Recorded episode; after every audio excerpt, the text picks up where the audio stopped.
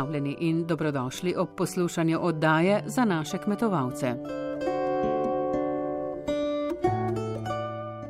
V današnji oddaji bomo nanizali pet zanimivih prispevkov z vseh vetrov. Naše popotovanje se bo začelo v Ljubljani, zavilo proti Bizelskemu, Bakovcev, od tam pa bomo potovali proti Gorišnici in ga zaključili na Koroškem, vabljeni v našo družbo.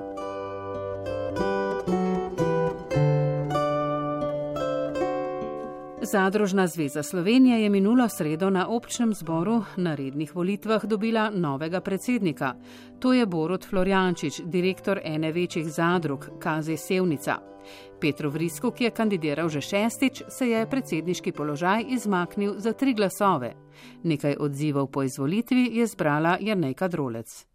Tokratne volitve so bile za Zadružno zvezo Slovenije prelomne. Po 20 letih vriskovega obvladovanja pomembnih funkcij v celotnem sistemu je članstvo z rahlo večino odločilo, da je čas za spremembe, za novo energijo, ki jo prinaša Borut Florjančič. Ta se predvsem zaveda velike odgovornosti. Prav gotovo je to kar ena velika odgovornost in čutim in se jo zavedam. Pred nami so naloge, ki jih bom nadaljeval še z prejšnjih mandatov, se pravi v dobrobit kmeta. Eh, veliko stvari je preveč, da bi zdaj v tem odgovoru naštel, vendar verjamem mi, da se zavedam velike odgovornosti.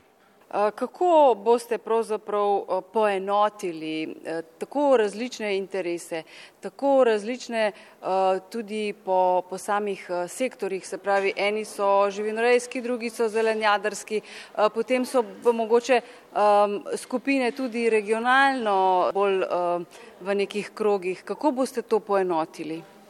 Pa jaz tukaj sploh ne vidim neke uh, razdeljenosti. Zdaj, če en navija za Barcelono, en pa za Maribor, to ni razdeljenost. Jaz vidim tukaj en skupen cilj. Prepeljati potrošnika do tega, da bo sprejel, da mora tudi kmet in predelovalni industrija dobiti pošteno plačilo za trdo in težko delo. In tukaj je tudi naš, naša odgovornost, da to predstavimo, da spoznajo res naše produkte, naše moči, doseg naše pridelave. In tukaj smo vse zadruge na istem. In še poraženec volitev, bivši predsednik Peter Vrisk. Jaz mislim, da smo v teh eh, letih nazaj skupaj z našimi zadrugami veliko postorili, napredovali na vseh področjih, povečali skupni kapital, povečali promet po zadrugah, pomembno delo upravi tudi državni banki, ki danes dobro deluje. Tako da mislim, da smo na lepo pot zastavili, ampak gledajte, prihajajo novi problemi. Eh, ta korona bolezen bo tudi imela določene posledice na kmetijstvo, eh, tako da nova ekipa bo imela veliko dela. Jaz jim želim samo uspešno delo. Želel bi, da to, kaj smo do zdaj mi zgradili, da nova ekipa nadaljuje. Boste ostali v zadružništvu ali pa v zadružnem sistemu na kakšnem položaju? To pa ne vem, nič nisem razmišljal, nikoli nisem na dva konja stavil, pač bil sem stoprocentno sem delal za zadružno zvezo, kaj bo jutri, ne vem, to moram pa še razmisliti. Nekaj direktorjev kmetijskih zadrug je po volivnem občnem zboru odgovorilo na vprašanje, kaj pričakujejo od novega direktorja Florjančiča.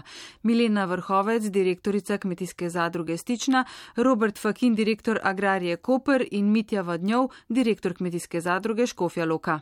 Pričakujem, da se bo tudi novi predsednik trudil in da bo pomagal tudi nam zadrugam, da bomo še naprej uspešno delovali in krmarili med številnimi težavami, ki se v zadnjem času pojavljajo.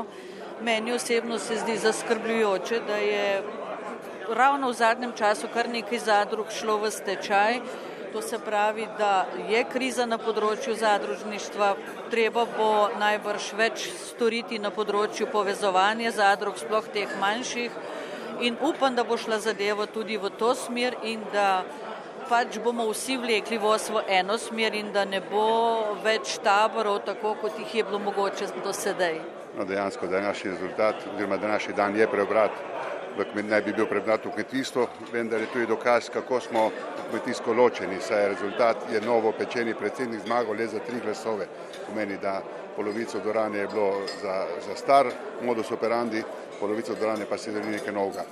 Zagotovo delo kmetijstva je ogromno. Eh, zadnji koronavirus je bil samo pika na i v vseh nesrečah kmeta, zaradi tega moramo pristopiti takoj k novi politiki kmetovanja, združevanju in vsekakor k, k spodbudi države, da kmetu pomaga. Saj je tudi zadnjih par mesecev, ko smo bili izolirani in ni bilo samo skrbe, se je videlo, koliko je država Slovenija revna, kar se tiče tega. Dejstvo je, da so legitimne volitve, da so šle na lep način skozi. In dejstvo je, da pač že vrsto let poskušamo nekaj narediti na združevanju zadrug, na večji komercialni moči zadrug in da tle nismo bili najbolj uspešni. Zdaj, a bo to prelomno z novim vodstvom, je pa pravzaprav naloga nas vseh, ki zraven sodelujemo, da poskušamo na novo voz potegniti naprej. Kaj je pa tisto, kar pravzaprav najbolj pogrešamo, je pa pravzaprav, da si nastavimo za calo mi vsi, ne samo nov predsednik in začnemo bistveno bolj iskati skupne rešitve. Skratka, iskati na podlagi problemov, razgovorov, skupne rešitve, ki bojo v interesu nas vseh, ker brez sodelovanja bomo pravzaprav čez štiri leta ugotovili, da smo zamenjali vodstvo, da je prišel nov človek, ampak smo na istem ostali. Konkurenca vmes gre pa naprej.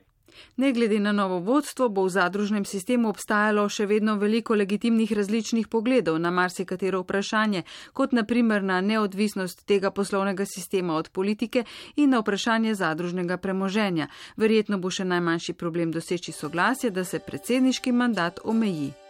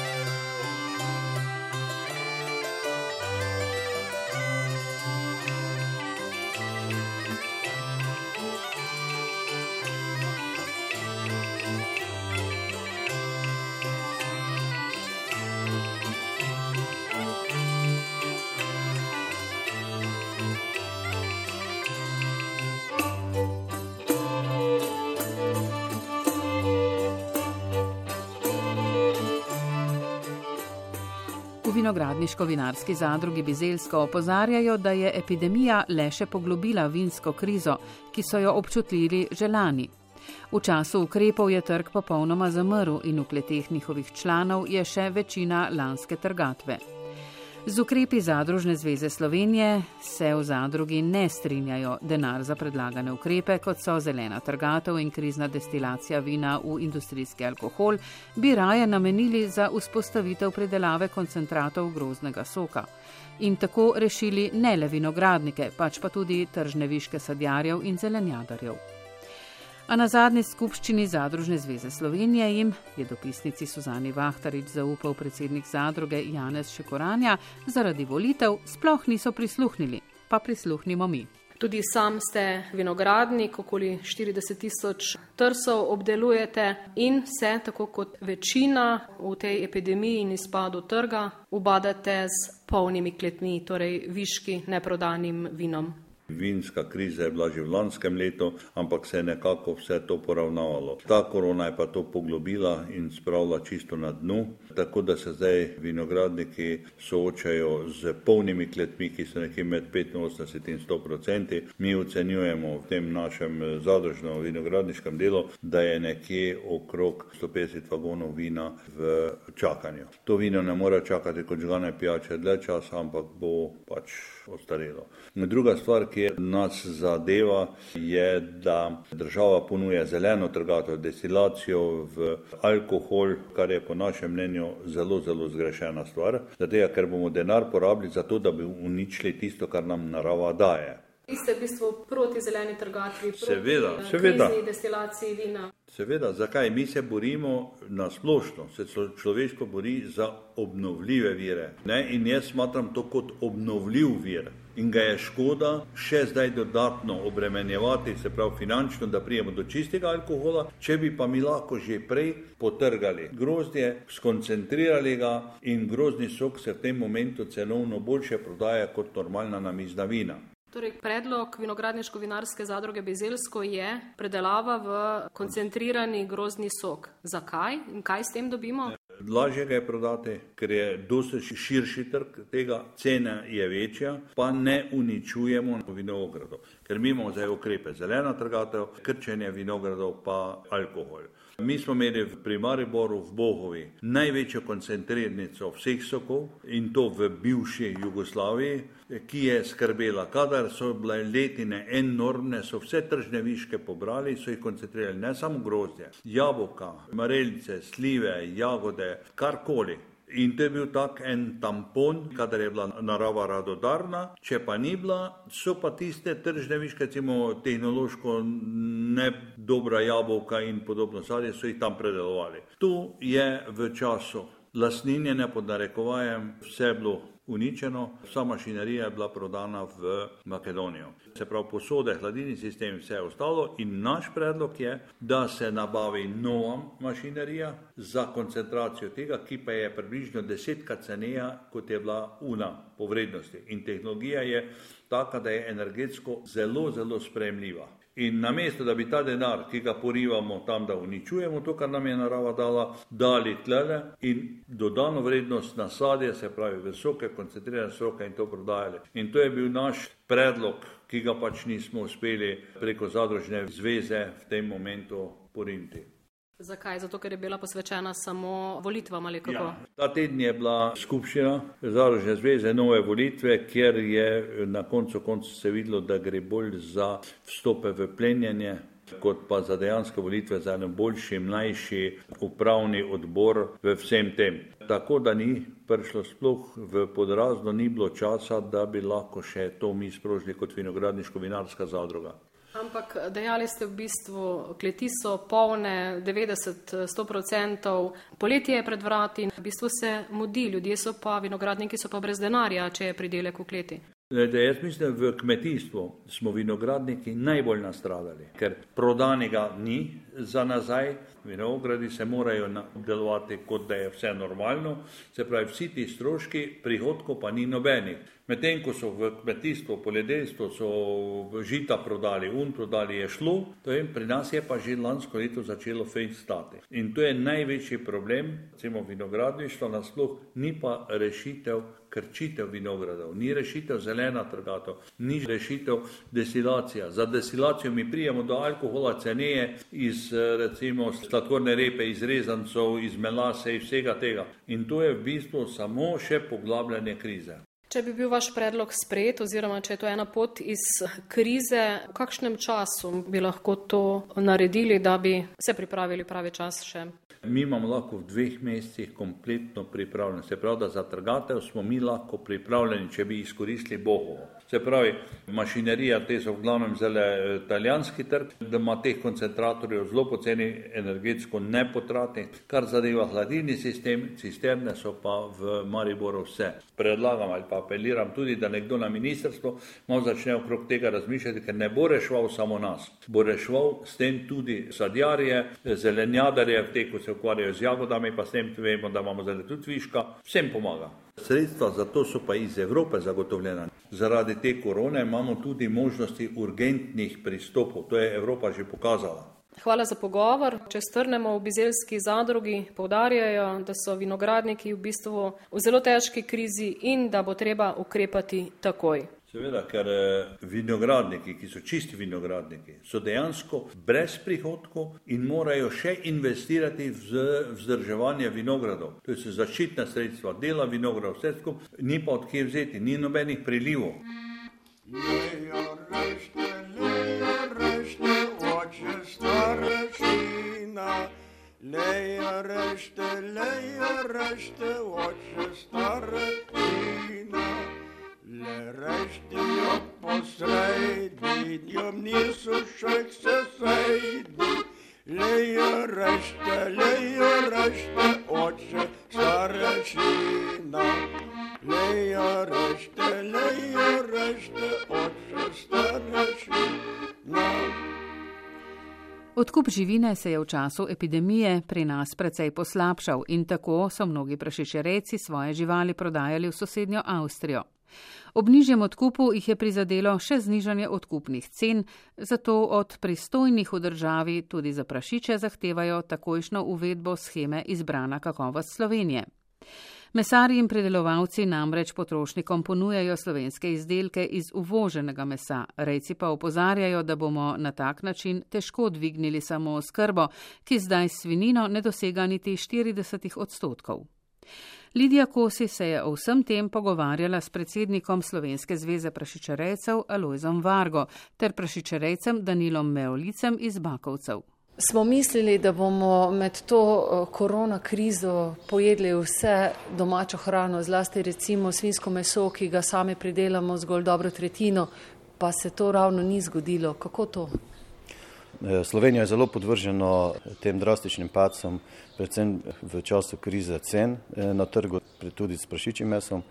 Tudi druge države so imele težave, nastale so zaloge mesa, cena je posledično padla in seveda so se naši uvozniki odločili, da so raje uvažali, kot pa da bi kupili vso slovensko svinino oziroma tudi druge živali kajti ker nismo samo skrbni, bi, bi pričakoval, ker se toliko promovira slovenska domača hrana, da se prvo da prednost slovenski hrani, da se slovenska hrana porabi in na to bi se razlika uvažala.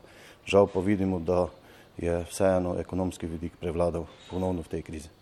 In eh, slovenski prašiči so zopet romali v Avstrijo, pa konec koncev imajo tam svojih dovolj. Tako je, Avstrija je samo skrbna, vendar tam so urejene odnosi v verigi, pa tudi pripadnost potrošnikov. Čeprav v Sloveniji govorimo, da se je potrošnik v zadnjem času zelo navezal na domačo slovensko hrano, pa ugotavljamo, da so Avstrijci kljub temu, da so samo skrbni, pokupili zelo veliko slovenskih prašičev, s tem so zelo pomagali slovenskim prašičerejskim kmeticam, medtem ko so pa pri naših mesarjih eh, se nastajali zastoje, težko smo prodali, poleg tega pa je v času korone tudi začela padati cena in danes lahko ugotavljamo, da smo izgubili na koncu 22% cene, ki je bila pred začetkom korona. Poleg tega pa lahko še povem, da tisti, ki so papujske kupovali, so jih kupovali, ko so bili ti najdražji na trgu, 110 evrov po komadu, danes pa morajo prodati prašiča pitanca za 155 evrov. Pričakovali smo pomoč, zato smo na Ministrstvu za kmetijstvo pisali, da se tudi prašičereja nahaja v težki situaciji. Razumemo, da je koronavirus naredil škodo tako v gospodarstvu, kot tudi v kmetijstvu, vendar če eh, želim pomagati gospodarstvu, bi lahko tudi nekoliko bolje pomagali kmetijstvu. Zdaj ste stisnjeni nekako v kotne prašičarejci, opustiti dejavnosti ravno ne morete, kot pravite, cena pada, uvoz pa raste. Za me eh, v tem trenutku je cena dejansko 22% padla, vendar me bolj zanima, kaj se bo zgodilo sedaj po razglasitvi konca epidemije. Pričakujem, da bomo končno spoznali, da je potrebno narediti verigi red, Poleg tega pa začeli izvajati izbran kakovost Slovenija tudi za prašiče meso, kajti edino to bo vodilo, da bomo dejansko to, kar Slovenci predelamo, tudi potrošniku lahko ponudili in preko tega se bo naredil tudi red z masnimi bilancami in mislim, da takrat bi lahko se te težave, ki so trenutno zmanjševale. Čas je, da se dejansko to, kar je slovensko, na police da kot slovensko, ne pa kot smo zasledili na enem dopisu, društvo podeželske mladine, ki so jasno napisali, da je prašičereja trn v hilovi pete in da takoj, ko pade cena na evropskih trgih mesa, se vsi poslužujejo samo uvoza, na domačega prašičerejca pa pozabijo. In mislim, da je dejansko tako, saj, kot so tudi sami zapisali, je veliko mesa, ki pride na slovenske police in že dobi slovensko poreklo oziroma slovenski izdelek, kar pa mislim, da dejansko ni prav. In tega se moramo izogniti in bistvo vsega je, da tudi naše resorno ministrstvo spozna, da moramo zaščititi slovenskega predelovalca. Kako je šlo pri vas na kmetiji, kako ste vi čutili ta zastoj? Včasih eh, se vprašaš in res ne veš, kaj je prav in kaj ne. ne. Da pri 38-odstotni samoskrbi s prašičjem mesom v Republiki Sloveniji ljudje oziroma kmetje ne moremo prodati prašičev. Kmet se trudi 100 dni oziroma 120 dni, da prašiče pita in potem pa trepeta, ali bo lahko to prodal ali ne bo mogel prodati. To je zelo zaskrbljujoča zadeva pri nas. Ne. Kar se tiče naše kmetije, lahko povem, da imamo dolgoročno pogodbo z eno izmed eh, mestno predelovalnih industrij v Sloveniji. Mi kakih večjih težav nismo imeli, zamaknil se je odkup največ za en teren, tako da osebno pravim, da je prava pot to, da imajo vsi kmetije kakršno koli eh, obliko povezovanja in dolgoročne pogodbe in s tem potem eh, vežejo sebe in potem tudi mestno predelovalno industrijo. Na ceno pa pač ne moremo vplivati, ceno zaenkrat eh, oblikujemo v Sloveniji na podlagi Steierfleisch Borža iz Avstrije, ne? ta pa je res padla za več kot 20% v času COVID-a. Koliko imate vi v vaših levih prašičev? Ja, zdaj, če bi prišli vse prašiče, jih je približno 1200, eh, v glavnem eh, redimo približno 120 eh, plemenskih mater, dejansko plemenskih živali in potem vse naprej spitamo do končne teže nekje 110 kg.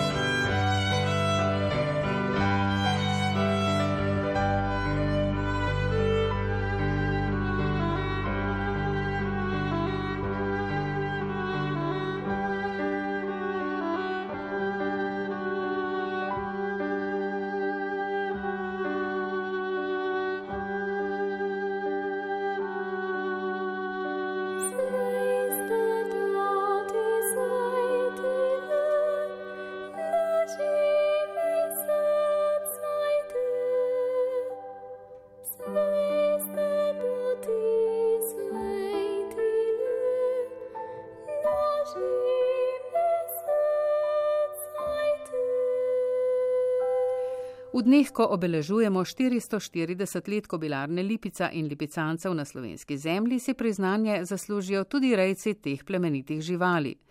Pasma lipicancev spada med ogrožene vrste in je zato zaščitena.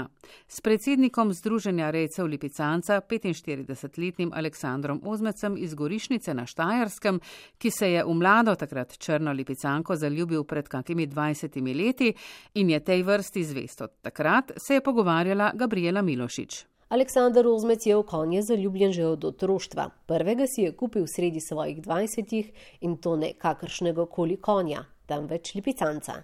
Kako se srečata lipicanec in štajerc? Najprej na kovancu, ki ga imamo, ne? pol pa jih imamo tudi na štajerskem. Jih, uh, jih najdete, kar par recev nas je, ki smo jih tako ljubitelji kot primorci oziroma dolenci, pravzaprav cela Slovenija. Ne? Eno lepo na ključe je bilo lahko rekel danes, uh, ki mi ni žal ne? in uh, tisti, ki hoče imeti. Uh, bistrega, hitrega in uh, pogumnega konja mora izbrati lipicanca. Sčasoma je število živali povečeval, zdaj jih ima v hlevu šest, vsi so črni, pravi ozmec. Beli lipicanec je sinonim. Ne? Pravijo pa tudi v starih časih, da pa črni lipicanec prinese srečo v kobilarno oziroma na posestvo. Ne. In smo iskali to srečo, pa smo jo našli. Ne. Stalež se spreminja, pri nas so trenutno v hlevu tri plemenske kobile z dvema potomcema lanskima in enim letošnjim. Tako da seveda varira, stale živali varira, ampak tam po tri pa težko pridemo. Um, vsi so še zdaj črni? Ja, pri nas smo skrbeli k temu, da smo izbirali žrebce za naše kobile take, da smo upali, da dobimo čim več črnih potomcev ven. Pa letošnji potomec upamo, da bo ostal črni. Ne? Včasih je z lipicanci tudi tekmoval, zdaj jih v glavnem redi. Večino živali z lahkoto proda. Če je dober kon, gre vsake zamet. Uh, drugače pa se prodajo. Uh, vsaki, vsaka stvar ima svojega kupca, tudi lipicanec se najde. Včasih ga najdeš prej, včasih malo dlje, traja, se pa proda. V Sloveniji, v tujini? V Sloveniji in v tujini. Ne? Tujini dosegajo celo malo višjo ceno kot doma. Eh, znajo ceniti naše slovenske živali, tako da se najdejo kupci. Čeprav je lipicanec ognjevit in temperamenten kon, je tudi hitro učljiv in zato je velika škoda, da ni vključen v državne protokolarne prireditve, pravi Ozmec. Tudi s tem bi pridobil na pomenu, kot mu gre. Lipicanci, ki so na slovenski zemlji že 440 let, so ena redkih vrst pasemskih živali s tako dolgo tradicijo, povdarja predsednik Združenja rejcev Lipicanca. Probamo ljudi ozavestiti, da je to res naš slovenski kon, na, zrasten na naših tleh v Lipici, z povezavi s kobilarno delamo dogodke, eh, prireditve, promocije, samo da mu dvigujemo nivo, da se zavedamo, kaj imamo, da smo lahko res ponosni na tega belega bisera, ko ga kličemo. Ne. Premalo ga je v protokolarnih zadevah ali pač? Ja, po mojem, sigurno premalo. Ne. Sigurno premalo. S tem bi dvignili prepoznavnost našemu lipicancu. No, vsi se spomnimo že iz otroštva plesa lipicancev. Uh, učljiv je, torej bi se ga dalo tudi v protokolarne namene bolje uporabiti. Sigurno, ne? Sigurno je lipicanec ušljiv kon, se ga da uporabiti. Samo treba nekaj vložiti energije v to, ne? najti prave ljudi na pravem mestu, da se začeli truditi in brez problema, da je lipicanec eh, protokolarni kon. V združenju so zato na UNESCO podali vlogo za upis lipicanca na njihov seznam. Živali je na svetu namreč le okoli 10 tisoč, od tega tisoč v Sloveniji. Med 600 in 700 jih je pri zasebnih rejcih, 350 v kobilarni Lipica. Premalo se zavedamo, kaj imamo v Lipicancu, še pravi Aleksandr Ozmec. So zelo pogumni konje, zelo bistri konje, dajo pa se tudi ko muce, ki cartate, ne? ampak to je od živali do živali različno. Ne? Težko bi izločil, no, lepi so. Slabe lastnosti nimajo. Eh, imajo uh, tudi slabe lastnosti, ampak jih znajo mogoče malo prikriti, ali pa z šolanjem jih lahko te slabih lastnosti malo zatrešno. Se pravi, uh, če v lipicanca vložiš uh, ljubezen in delo, je to bogato poplačano. Je, to pa sigurno. Ljubezen, delo je poplačana zadeva. Imáš pol spremljevalca, do konca. Prijateljstvo in naveza med človekom in lipicancem, ki je dolgoživ kon, lahko traja tudi 30 let.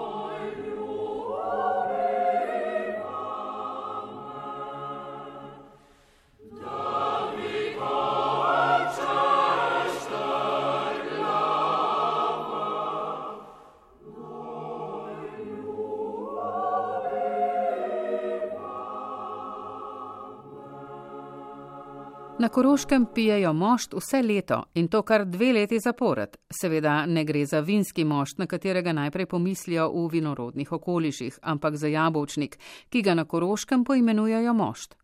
Gre za značilno pijačo, ki jo poleg soka pripravljajo na koroških kmetijah. S tem ohranjajo stara znanja od obrezovanja drevja do priprave pijače.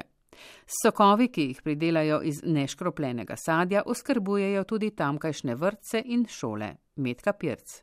Na Koroškem boste za manj iskali vinograde, boste pa ob kmetijah opazili sadovnjake s starimi sortami. Sadja ne škropijo, drevesa v teh starih sadovnjakih obrodijo le enkrat v dveh letih in letos je takšno leto. Z veliko potrpežljivosti se torej na koroških kmetijah lotevajo delu sadovnjaku, ki večini predstavlja vir dodatnega zaslužka na kmetiji.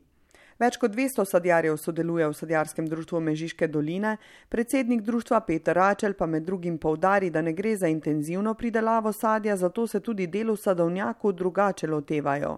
Mi, eh, sadjarji, pač to obrezujemo in pa kmetje, bi rekel, glede na to bolj na tak način, da pač eh, razrečemo veje, pa, pa obrežemo tisto suho, suho joje, kar je na tem sadju, da pač polje pridelek tudi je lep, ker pač eh, če bi mi to obrazovali, tako se obrazuje, bi tudi na plantažah, polje to bi rekel, dejansko preveč dela in pa, in pa uh, tudi potrebe ni, ker je pač eh, ta stara sorta drugače, uh, to so visoko debeljno drevje. Je pač to potrebno uh, očistiti, tisto, kar je pač najbolj nujno. Ne. Mogoče nas kdo doma posluša in razmišlja, da bi še ohraniti kakšna stara drevesa, ki jih ima okrog hiše, kaj bi svetovali. Ja, lejte, pač vsako drevo staro, ki je tudi če izgleda slabo, se da obrezati in pa eh, pomladiti, ker bo vsekakor prej eh, prinese sadeže, ko pač če posadimo novo mlado drevo. Peter Račel, kljub izzivom sodobnega časa, rad dela v sadovnjaku. Ja, lejte, to je pač eh, tudi malo smo zgojeni tek eh, in pa navajeni. Je pa tudi nek, eh, neko zadovoljstvo, naprimer zdaj smo mladi, ta prve češnje, ko so bile že, so že zdrele, ne, zdaj postopoma. Je pač odvisno od sorte, zdaj dozorevajo. Eh, pa tudi slive, pa določeni, pa, pa, pa na koncu jeseni pač tiste jabke eh, še počakamo in pa hruške, pač eno zadovoljstvo, naprimer, če si en kletar, eh, da pač ko priješ v klet, da, so, da je to poštimano in pa da so sodi polnjene. Koroški sadovnjaki so polni različnih sort sadja, a vendarle ena izstopa, pravi Račel. Je za naš koroški konci značilna, bi rekel, najbolj ena taka uh, jabka je lesnika, brez katere eh, dejansko dobrega mošta težko sprešamo. Ne. So pa tudi ostale sorte, bobovec, kriv pecl, uh, trdič in pa te domače sorte, kot so uh, carjevič, to je bolj, bi rekel, že zimska jabka za, za pojest, za hraniti. Pač, če imaš vsega nekaj, te je pač ne lažje narediti in dobro mošno. Lesnika je pač to tista stara sorta, dejansko izraščena iz divjaka drobna jabka, ki ima veliko kisline in pa veliko žvepla eh, sama po sebi v sebi. In tisto žveplo nam pomaga dejansko, da mi pa ne rabimo žvepla tega mošta in nam eh, eh omogoča obstojnost mošta za dve leti. V sadjarskem društvu Mežiške doline ohranjajo stara znanja tako pri delu v sadovnjaku kot pri predelavi sadja. Član društva Miran Iršič pravi, da so kakovost pridelave dvignila tudi vsakoletna ocenjevanja strokovnjakov, ki preverjajo kakovost sokov, mošta in žganja. Vsako leto izbirajo moštno dečvo, to je mlado dekle, ki pomaga pri promociji teh dejavnosti. Podobno recimo tam vinogradniškem okolišu, ki imajo kraljico vina, smo si pač mi umislili moštno dečvo ki zelo dobro promovira moštvo. V zadnjih letih bi rekel, da smo s pomočjo te močne dečve oziroma naše prireditve res eh, prignali ne samo prireditev samo, ki je zelo odmevna tu na Koroškem, eh, tudi kot promotorko tega našega moštva na dokaj visok nivo. Aktualna moštna dečva Laura Kotnik se trudi, da bi ljudje razlikovali vinski in koroški mošt. Razumljivo povdarja kakovost slednjega tudi uh, tako je grozdje, pa potem vino je tudi jabolka in potem mošt. Uh, meni se zdi, da je mošt glih toliko reden, kot pa vino, a ne. Sicer mošt so res bolj pavri pili, ne tisti me, mestni ljudje, a ne. Ampak vseeno, mošt je vseeno taka pijača, da veliko ljudi jo rado pije, no v glavnem to, da izbere, da je kar z vinom, da se lahko poveže. Mežiški sadjari računajo na poletno turistično sezono. Že so uredili moštno cesto, ki povezuje kmetije, kjer se ukvarjajo s sadjarstvom.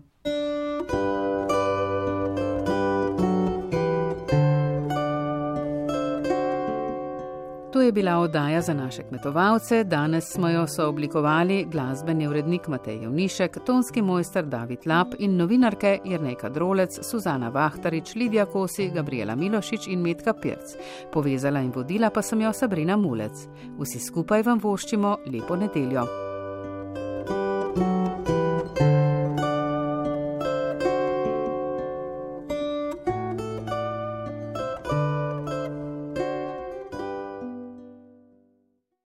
Poglejmo še, kakšno bo vreme od 11. do 16. junija.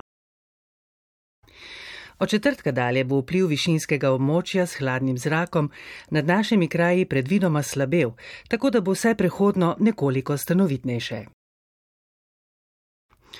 Potek v začetku prihodnjega tedna je še precej negotov, a zaenkrat je kakšna izrazitejša vremenska sprememba manj verjetna.